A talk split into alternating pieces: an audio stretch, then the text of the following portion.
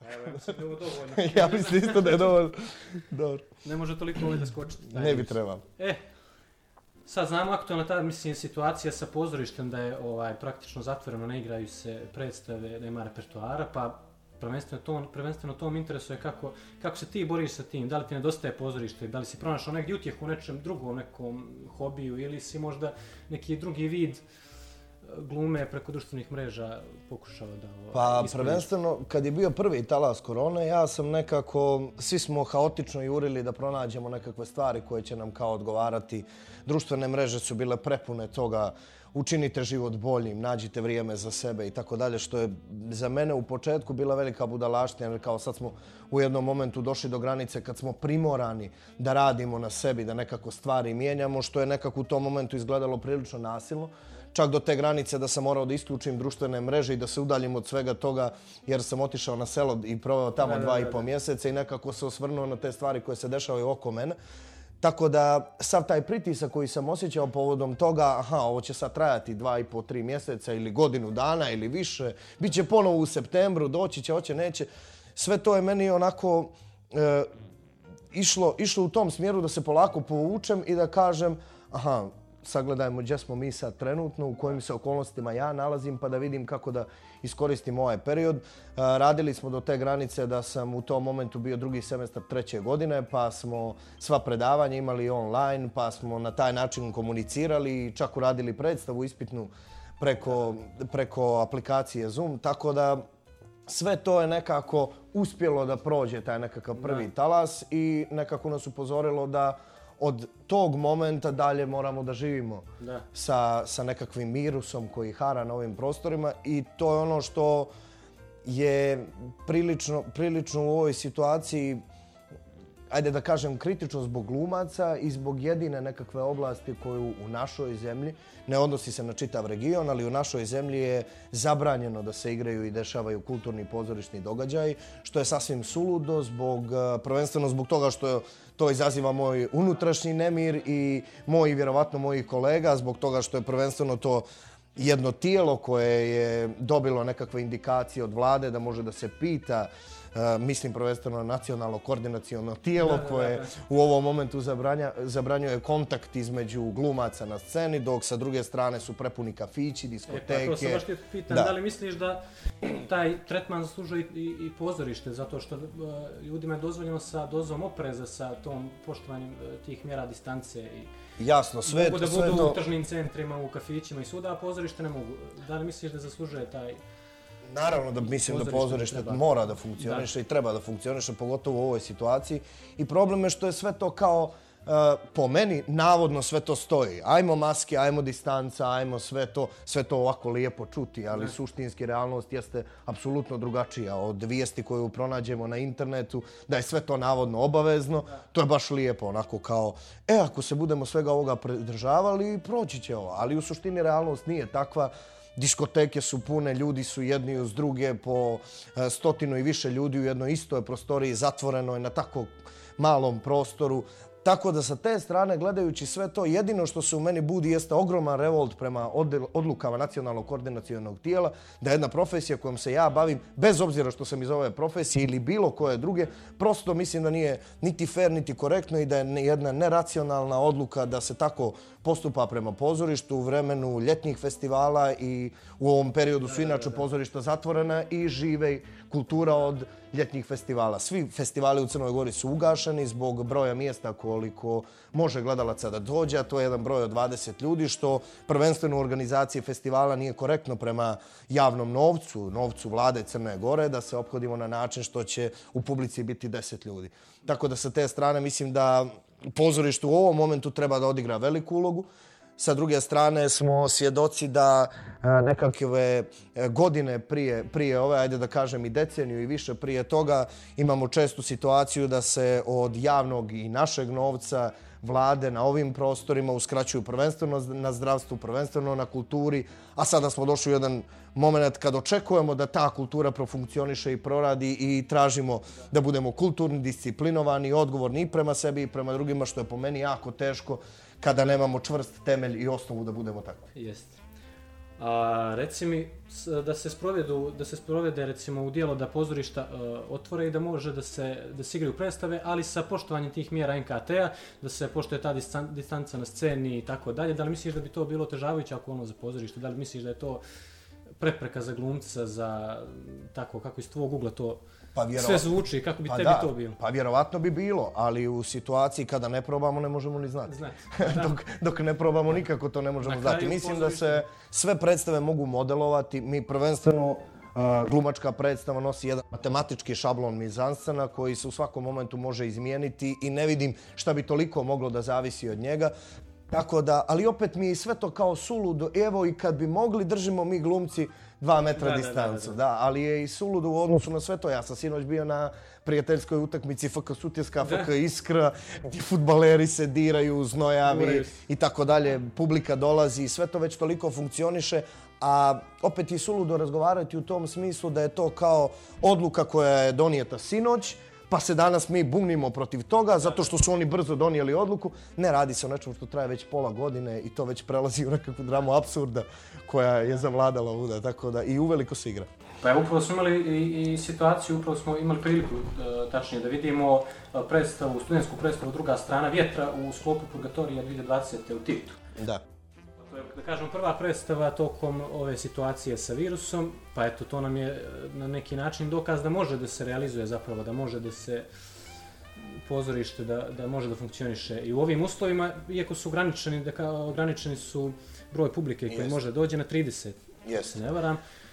Da Pa- li misliš da je to dovoljno s obzirom e, kakva je produkcija pozorišna, koliko se ulaže, da samo toliko ljudi vidi tu predstavu ili da se to odloži na više dana, pa manje ljudi ili kako, ne znam da li ti... Apsolutno, apsolutno ne mislim da je to jedan održiv sistem, zbog toga što da jeste, vjerovatno bi sve išlo nekakvim drugim tokom. To jeste jedan pokušaj. E, Gospodska krv predstava u režiji Slobodana Marunovića gdje ja igram je prva predstava nakon prvog talasa koja je održana i odigrana, odigrana u Kotoru. A, nakon toga nije odigrana ni jedna predstava i sad imamo premijeru ispitne predstave koja jeste jedan metod, jedan pokušaj da se to uradi i nekako opet svede na nekakav minimum minimuma i to je jedan produkcijski posao, posao Centra za kulturu Tivat koji je u toj situaciji odredio mi ćemo probati i pokušati da izvedemo četiri igranja i obezbedimo tim glumcima da probaju predstavu koju su premijerno izveli. Tako da sa te strane mislim da je to moguće, ali ja ne vidim svrhu e, E, svega toga. E, I nekako u ovoj prilici se pokazuje sve to kao igrali bismo za jednog gledalca, igrali bismo za dvoje. E, Cilj ovoga je, ja mislim da mi ovo radimo sve zbog drugih, da e, gluma i umjetnost ne služi sama sebi i sama za sebe, nego prosto prirodno je da to radimo zbog drugih ljudi. A kad nemamo te druge ljude sa druge strane, one koji gledaju i one zbog kojih ovo sve radimo, onda ne vidim svrhu svega ovoga bez da to bude ovako, ja i ti u studiju igramo, ja tebi nešto zanimljivo pričam. Samo bez kamere. Da, samo bez kamere. Tako da sa te strane mislim da je to lijep pokušaj, ali ne mislim da je put kojim treba ići, prosto mislim da je neophodno na te stvari skrenuti pažnju, uzurpirati svim institucijama koje donose takve mjere i takve odluke i mislim da će ovo u jednom momentu morati da krene, ali da će posljedice biti mnogo više zbog toga što glumci, honorarci već pola godine nemaju priliku da odigraju predstavu, nemaju priliku da uzmu novac koji pošteno jeli, zarađuju i zaslužuju, prvenstveno zbog svog dara i svog rada. A sa druge strane, zbog toga što je e, glumcu i umjetniku po meni, kao nekakvom mladom i neiskusnom studentu, sada već svršenom, koji već je tri godine, ajde kažem, na fakultetu, prosto je neophodan ritam, prosto je neophodno ponavljanje, prosto je neophodno uvježbavanje i glumac bez rada prosto ja mislim da postaje hendikepiran na neko vrijeme i prosto je taj osjećaj totalno drugačiji kada se ponovo izađe na scenu, što sam imao priliku da osjetim nakon, eh, nakon onog talasa prvog koji je trajao tri mjeseca, jer je totalno čudno, ispada se iz kondicije, ispada se iz, iz ritma i kao da se nađete na nekakvom u nekakvoj crnoj rupi u kojoj ne znate ni zašto ste tu, ni šta se tu dešava.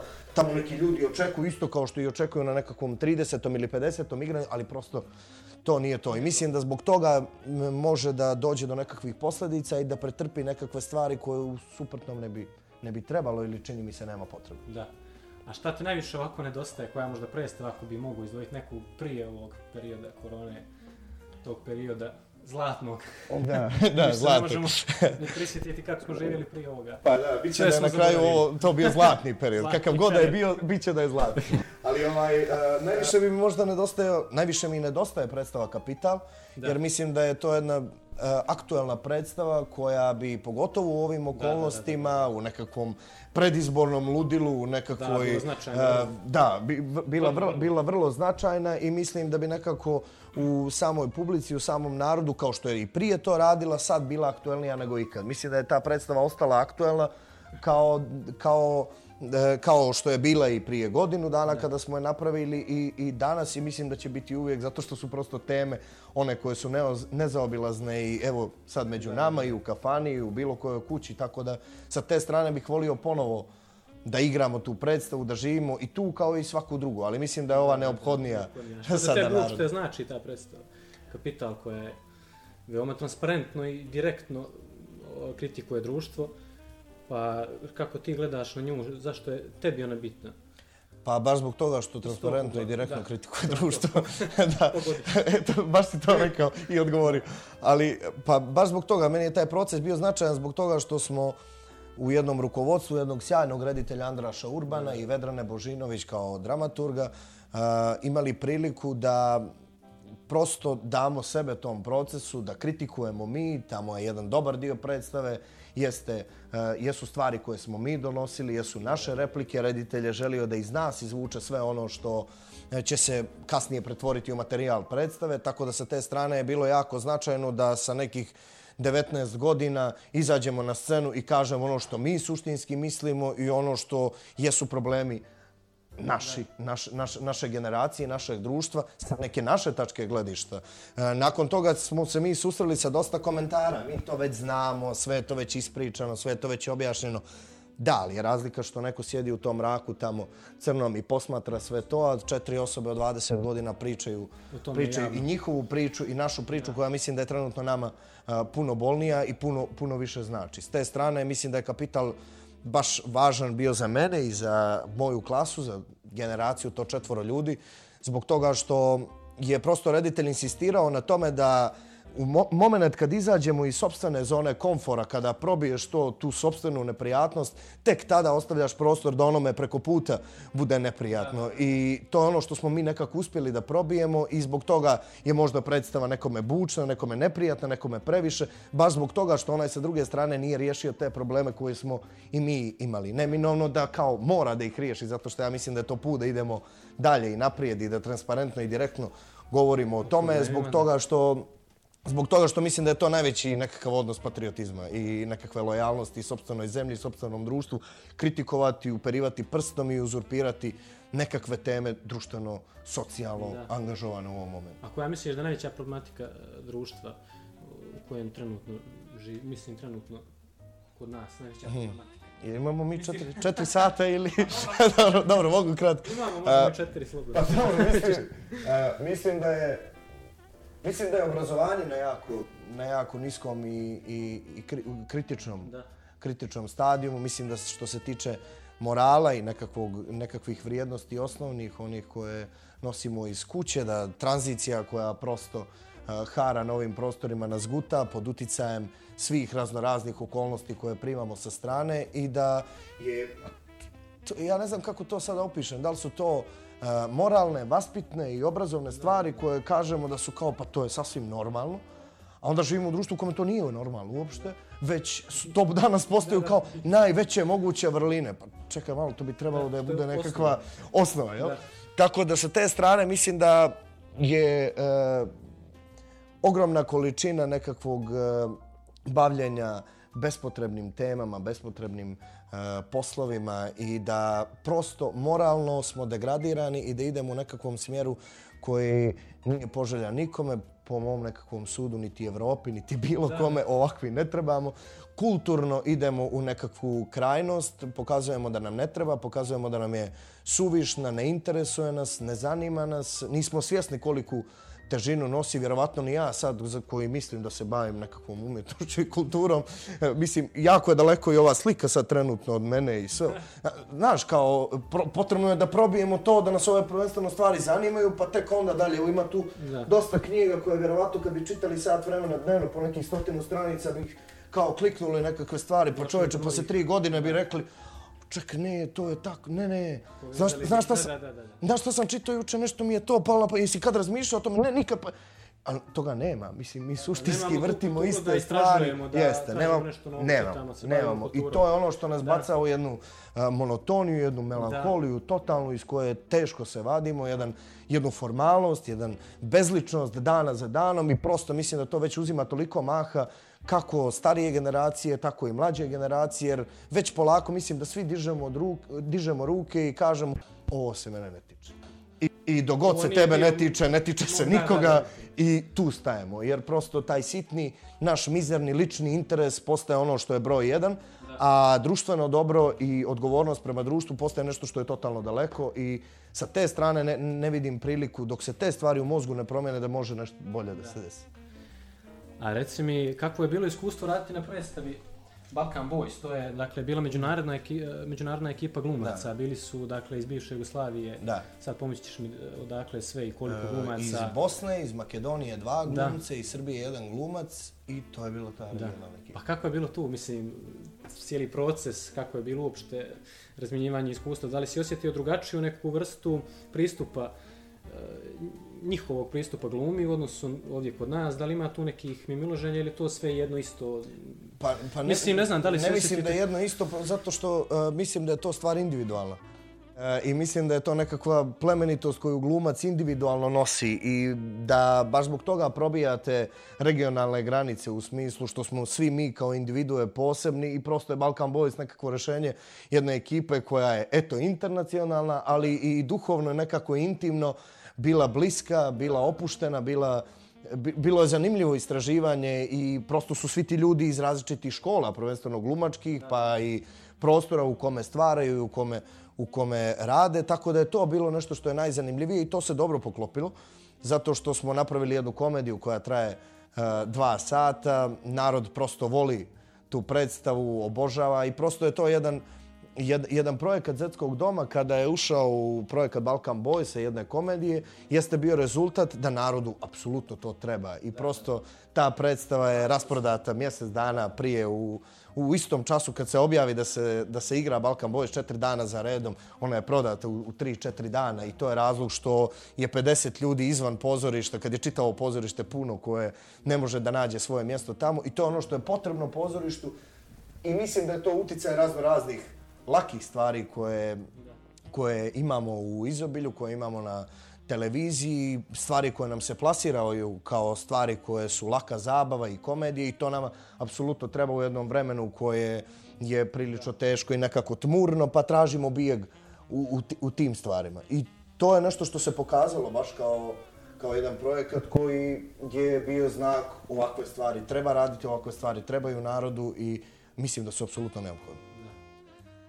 A reci mi, da li ima neki moment, recimo trenutak na sceni, to je meni uvijek ovaj, to mi interesovalo, da ti je bio najemotivniji ili najneprijatniji ili neki najsmješniji, nešto što ti je ostalo toliko uh, u pamćenju da je toliko bilo uh, karakteristično da si to morao možda da sakriješ da neko ne vidi toliko. Uh -huh. Ne znam, možda ili to glumac ima slobodu i da pokaže tu neku emociju koja možda nije planirana za njegovu ulogu u, u, Može da Da, da. Pa, Ako me razumiješ. Razumijem, razumijem. Pa zavisi, zato što prosto uh, glumačko nadahnuće može da povede glumce u nekom totalno pogrešnom smjeru.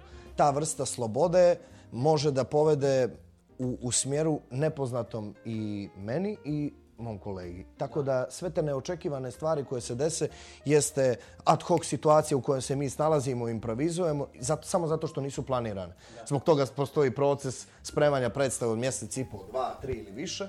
Zbog toga što sve stvari moraju biti uigrane, fiksirane i na kraju vješto i briljantno izvedene. I kad se to ne, ne desi, kad se desi da nas povuče nešto sasvim drugo, to je prosto neophodno sa tim uh, koordinirati kao u smislu ne sad, pušti, da, da, da, da, da, se smiri. Uh, meni se to desilo na uh, Bijenalu Crnogorskog teatra, igrali smo e, predstavu Kapital u Da, da, tu domu. si dobio nagradu za Tu najbolju sam dobio nagradu za najbolju Da, da, da, da. ulogu na festivalu.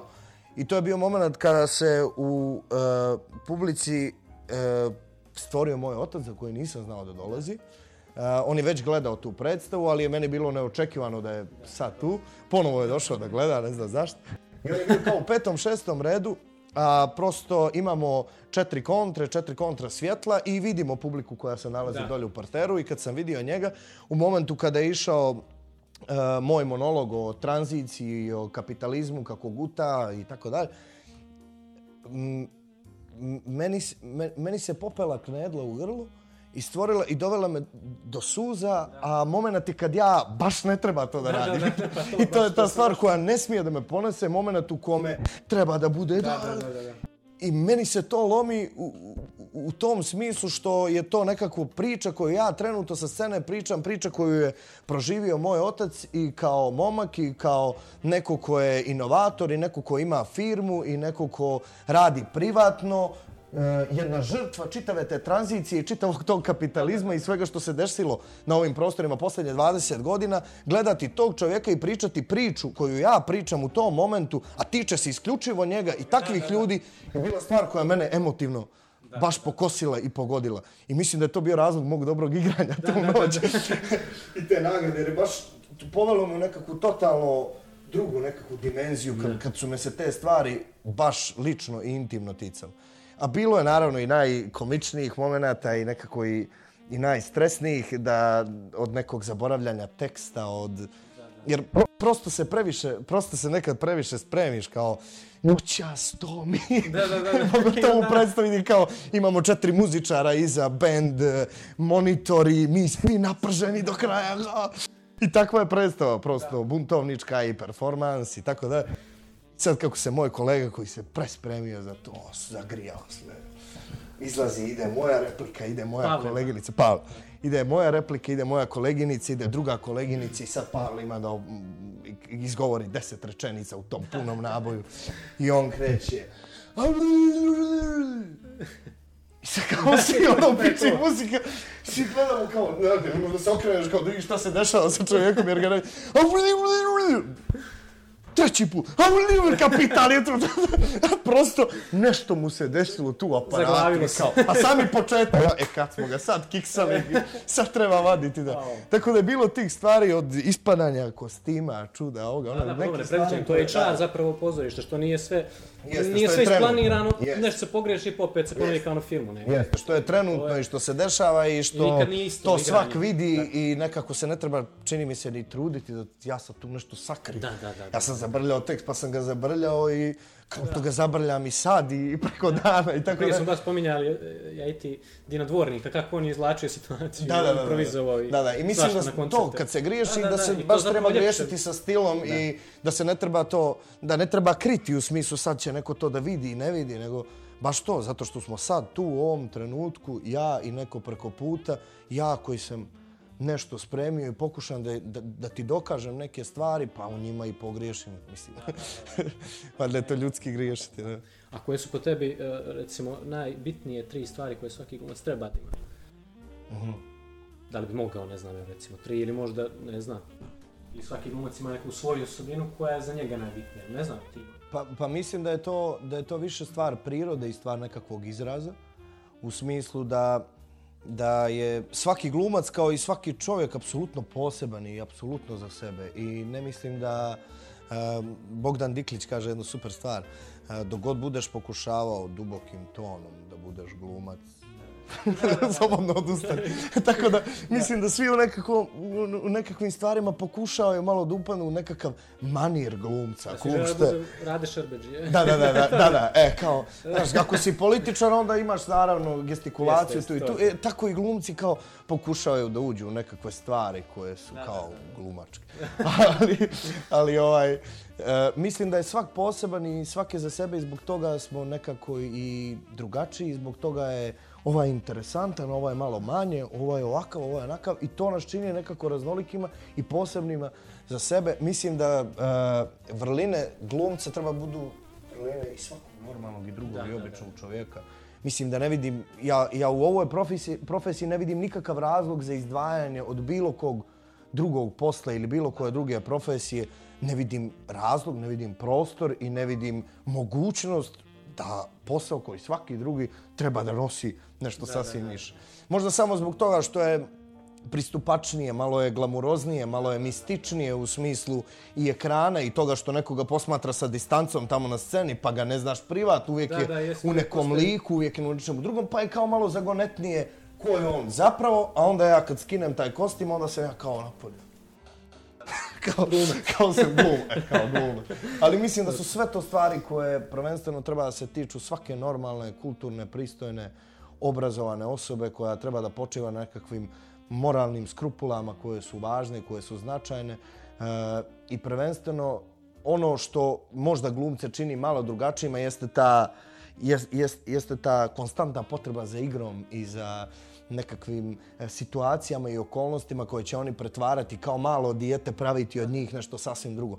Skoro je bio tu jedan moj brat od strica koji je e, klinac koji ima šest godina i on je od e, dva ona dva one dvije štrudle, uh -huh. on je napravio dva voza. I čeku, čeku, čeku. I kao ti šediš tu stvarno suštinski posmatraš to i kažeš, aha, pa ovo je moj posao, da štrudla nije štrudla, nego je štrudla čiku, čiku voz i da olovka nije olovka, nego može da bude mač sve je nešto, sve nešto u našim glavama i, i, i, i to dolazi iz unutarnje potrebe. I to je ono što drugi ljudi prosto kao ne obraćaju pažnju, jer prosto nemaju taj... Da, to se najviše ostavlja kao djeci da maštaju, a kasnije kao da, to da, nema problema kao, za to. Da, iz te žurbe ne, da konstantno i što prije odrasteš i da zaboravi, kao prestani da se glupiraš više zato što to ne priliči tvojim da, da. godinama.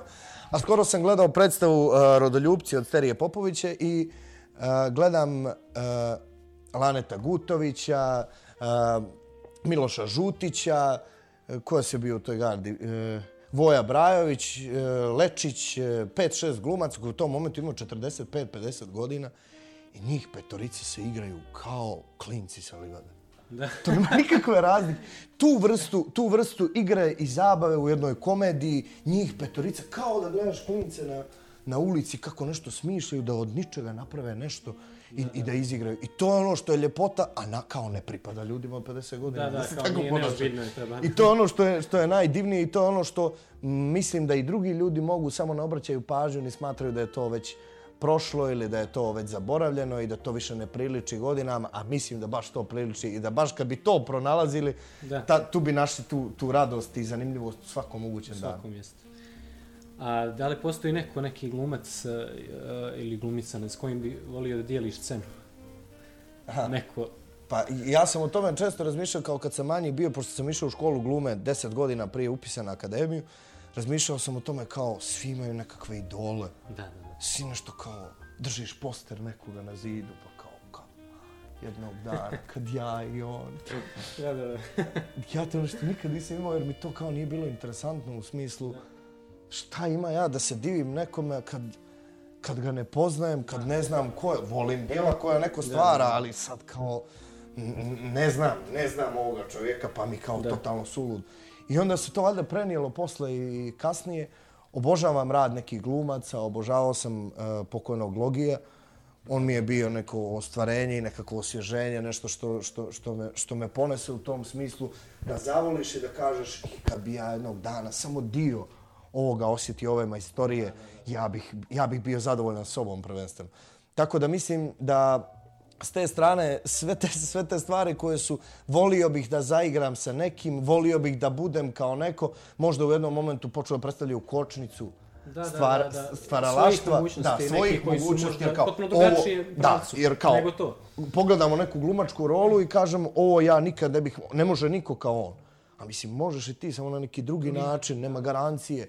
Zato što u glumi 2 i 2 nisu 4, niti su, nego su i 5, i 105, i 205, i, i 340. Nema tu nikakvog pravila i to je prosto stvar zato što je ogromno jedno polje slobode u kome može svak na svoj način. I zato mislim da neka to može da bude robije. A reci mi koji savjet imaš da daš onima koji žele da upišu glumu? Pa savjet uh, da upišu glumu jednostavno.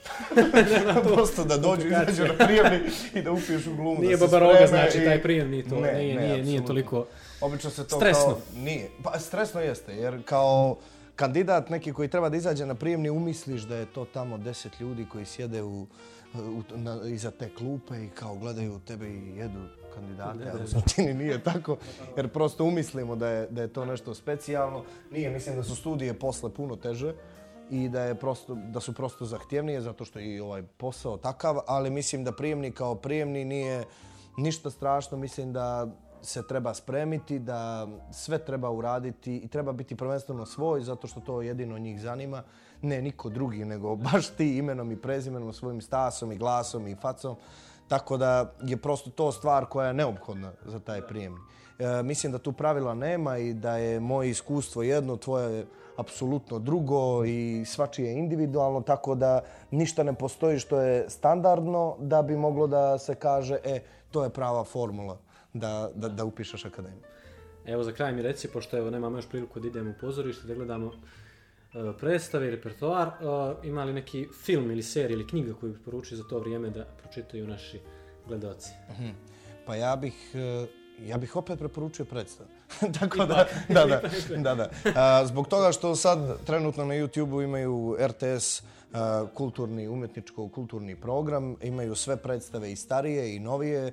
Prosto je, mislim da je ova korona bila korisna zbog toga što su sva svjetska pozorišta izbacila svoje predstave na YouTube i možemo da vidimo prosto kako to u svijetu funkcioniše na nekakav puno produkcijski zahtjevniji način i viši nivo, tako da je to opet prilika da budemo u pozorištu na neki opet drugi način, ali da budemo upućeni u to kako to u stvari zapravo može da izgleda. Tako da mislim da treba gledati sve zato što prosto to plemeni čovjeka i mislim da, da ga pošalje u nekakvom totalno drugom smjeru uh, vidika i da širi prosto te vidike i da zbog toga treba biti jedan konzument umjetnosti i ovog i ovog uh, smjera i vida nekakvog obrazovanja kao što je pozorišna filmska umjetnost, tako da to samo čini mi se treba gutati da nikad toga, nikad toga da. nije dosta i neki možda životna deviza, neka ili omiljeni citat neki da nam na kraju mm skoro nešto što možda tebe predstavlja kroz taj citat, nešto koji mi... Da, skoro sam pročitao jednu uh, rečenicu Dostojevskog koja kaže da biste ostvarili svoje snove, najprije je potrebno se probuditi. da.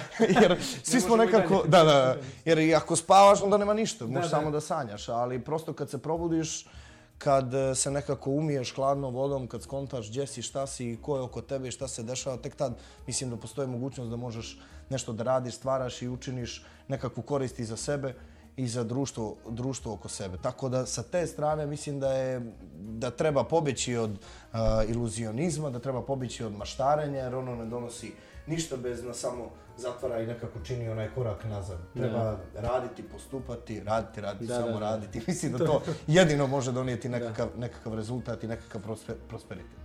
Hvala ti Stevane. Hvala ne znam šta bih ti rekao, baš ti hvala na ovom interesantnom razgovoru i korisnom. Da, hvala I nadam se ćemo se opet vidjeti ja možda u nekoj opet emisiji. Baš mi je bilo zadovoljstvo i želim vam sreću u ovoj emisiji. Baš, hvala hvala tebi. Pozdrav.